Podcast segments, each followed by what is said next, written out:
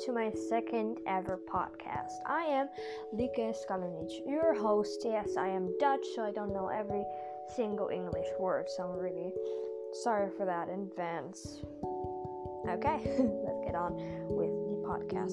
Today I am going to be talking about types of cards, types of divination cards. I have got two um, head categories. I've got or- Oracle, an Oracle deck over here, specifically the Oracle of the Moon.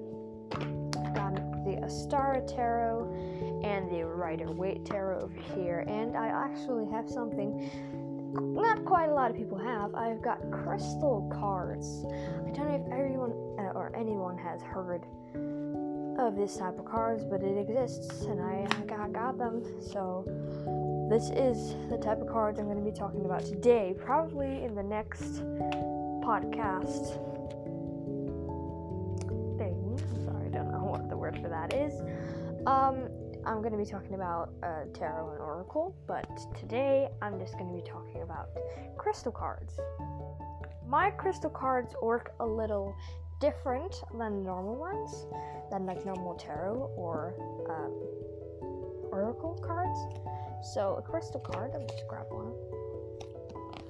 It's pretty thick paper. I really, like it. Um, so with the crystal card, um, it has a crystal, the name of the crystal, like amethyst. I have amethyst over here.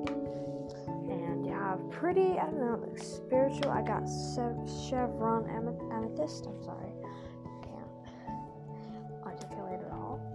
So, um, they have some questions under the crystal that kind of fit the crystal. This is in Dutch, so I don't, I can't, I can't translate it this quickly. So I'm just not gonna do anything. I'm just not gonna translate it. Uh, but you have um, a couple questions about your inner self, like what questions you could ask yourself so that could help you. But on the other side, there's not just a back and then there's like just like a pattern or something like that. No, on the back there is a name of a holy person, and um, there is some some text under it that the holy person could have said or lived by or used a lot so that's really uh, it's really nice because then you can like it fits with the crystal. So it's it's like an extra more spiritual twist if you know what i'm talking about. So um the crystal cards are a more spiritual way. And with spiritual i mean like uh, like you believe in something like, like a higher because it's mostly about um,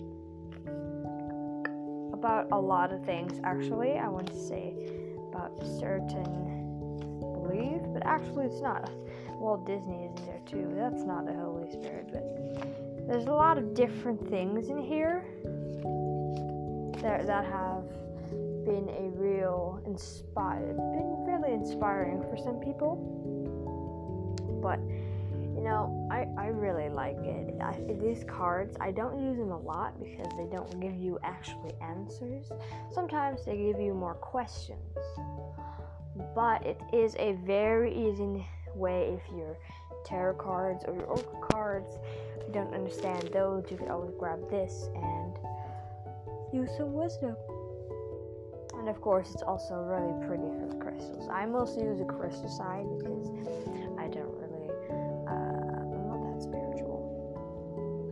sense. So I mostly just use the crystal side. So that is the downside of this card because at the moment you know the backs, you know which card, which crystal is on the other side. So I guess then if you know that, you're gonna be like, I don't know, you're gonna go automatically to that card. So that's like a downside to this, but I really like it and they're really pretty. It's like the cards are sturdy pretty sturdy. They are they were like six dollars for 40 cards for 40? I think there were 40.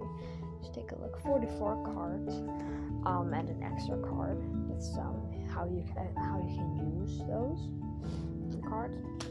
It's really pretty. The packaging is really cute. The cards are perfect size because they're size of your hand. Like you could fit it really easily in your hand. Not the size of your hand, but like you could fit it really easily in your hand palm. They're um they're pretty they're, they're normal size. They're not as big as tarot cards.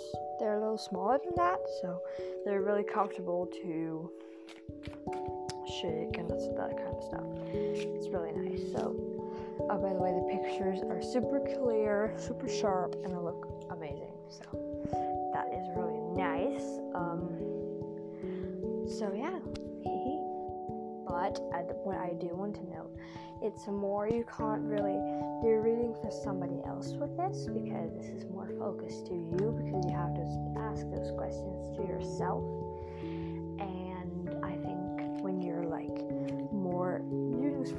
one another. It's a little, it's it's really personal.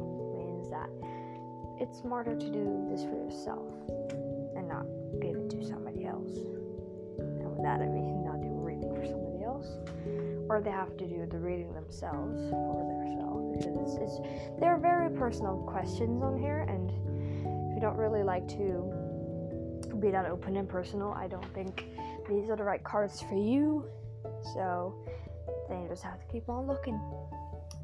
So, uh, the next episode, I am going to be talking about tarot cards, to Rider Waite tarot cards, specifically um, because I just like them a lot. And as that was my first deck, I think that's for a lot of people the first deck. Well, of course, it's not always. After that, uh, in that episode, I'm going to be talking about the Astero Tarot deck because that's my newest deck, and I am absolutely in love with it. I don't really use the Rider Waite Tarot deck anymore. Sorry.